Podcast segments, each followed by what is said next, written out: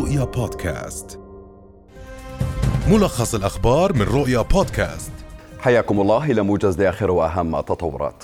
أظهرت نتائج استطلاع للرأي العام أجره مركز الدراسات الاستراتيجية بعد عام على تشكيل حكومة بشر الخصاونة أن الأردنيين اليوم أكثر قلقا على أمنهم الاجتماعي لأول مرة وأن الغالبية العظمى تعتقد أن الحكومة نجحت في توفير الأمن الداخلي.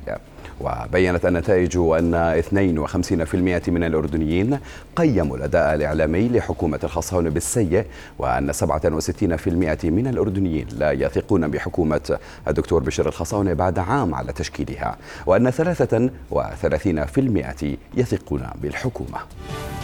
قال المنسق العام لحملة ذبحتونا فاخر دعاس إن نظام التناوب في المدارس يخالف العدالة بين الطلبة لأنه ليس شاملا لكافة الطلبة في المدارس الحكومية والخاصة.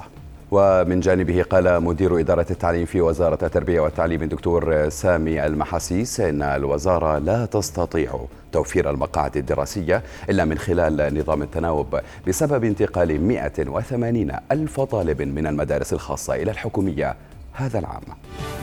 رجح الخبير في قطاع النفط هاشم عقل أن ترفع الحكومة. أسعار المحروقات للشهر المقبل متوقعا أن يكون الرفع بمقدار خمسة قروش للتر البنزين أوكتان 90 و 95 وسبعة قروش للتر الديزل والكاز وذلك بسبب استمرار ارتفاع أسعار النفط عالميا. وقال عقل إن هذه الأرقام فوق طاقة المواطن متاملا من لجنة تسعير المحروقات. أن تخفض هذه الأرقام أو تجمد الأسعار طيلة فصل الشتاء. أكد الأمين العام لوزارة الزراعة بالوكالة المهندس علي أبو نقطة أن الوزارة لا تسمح باستيراد الألبان كليا وقال إن الوزارة تحظر استخدام الحليب المجفف في كافة منتجات الألبان التقليدية. قال الناطق الإعلامي باسم وزارة الخارجية هيثم أبو الفول إن الوزارة تتابع على مدار الساعة أوضاع الجالية الأردنية في السودان. قتل سبعة أشخاص وأصيب 140 في مواجهات يوم أمس مع الجيش في الخرطوم عقب إعلان حالة طوارئ في السودان الشقيق. وقررت وزارة الخارجية الأمريكية تعليق مساعدات بمئات الملايين للسودان داعية إلى العودة للحكم المدني.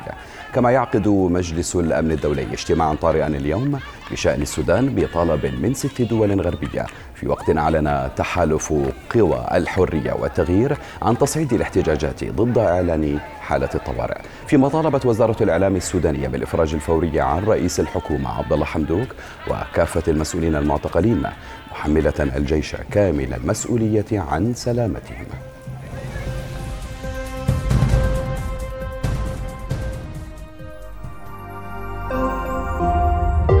رؤيا بودكاست.